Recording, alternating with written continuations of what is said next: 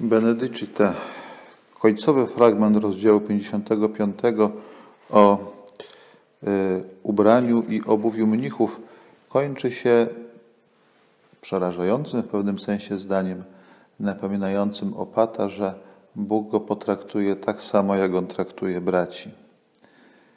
Czytaliśmy wcześniej w regule, że opat jest w klasztorze zastępcą Chrystusa, ale temu zastępcy Chrystusa jest przypomniane, że w drugim człowieku ten Chrystus mieszka. I tak jak mnisi mają mieć do niego stosunek pełen szacunku, z takim samym szacunkiem on winien traktować swoich mnichów. A zatem wspólnota tworzy się tam, gdzie jest szacunek, gdzie jest empatia, gdzie jest wzajemne poszanowanie, gdzie jest wyjście z otwartą ręką do drugiego. Uczmy się tej mądrości od świętego Benedykta, aby mogły okrzepnąć, umacniać się nasze wspólnoty.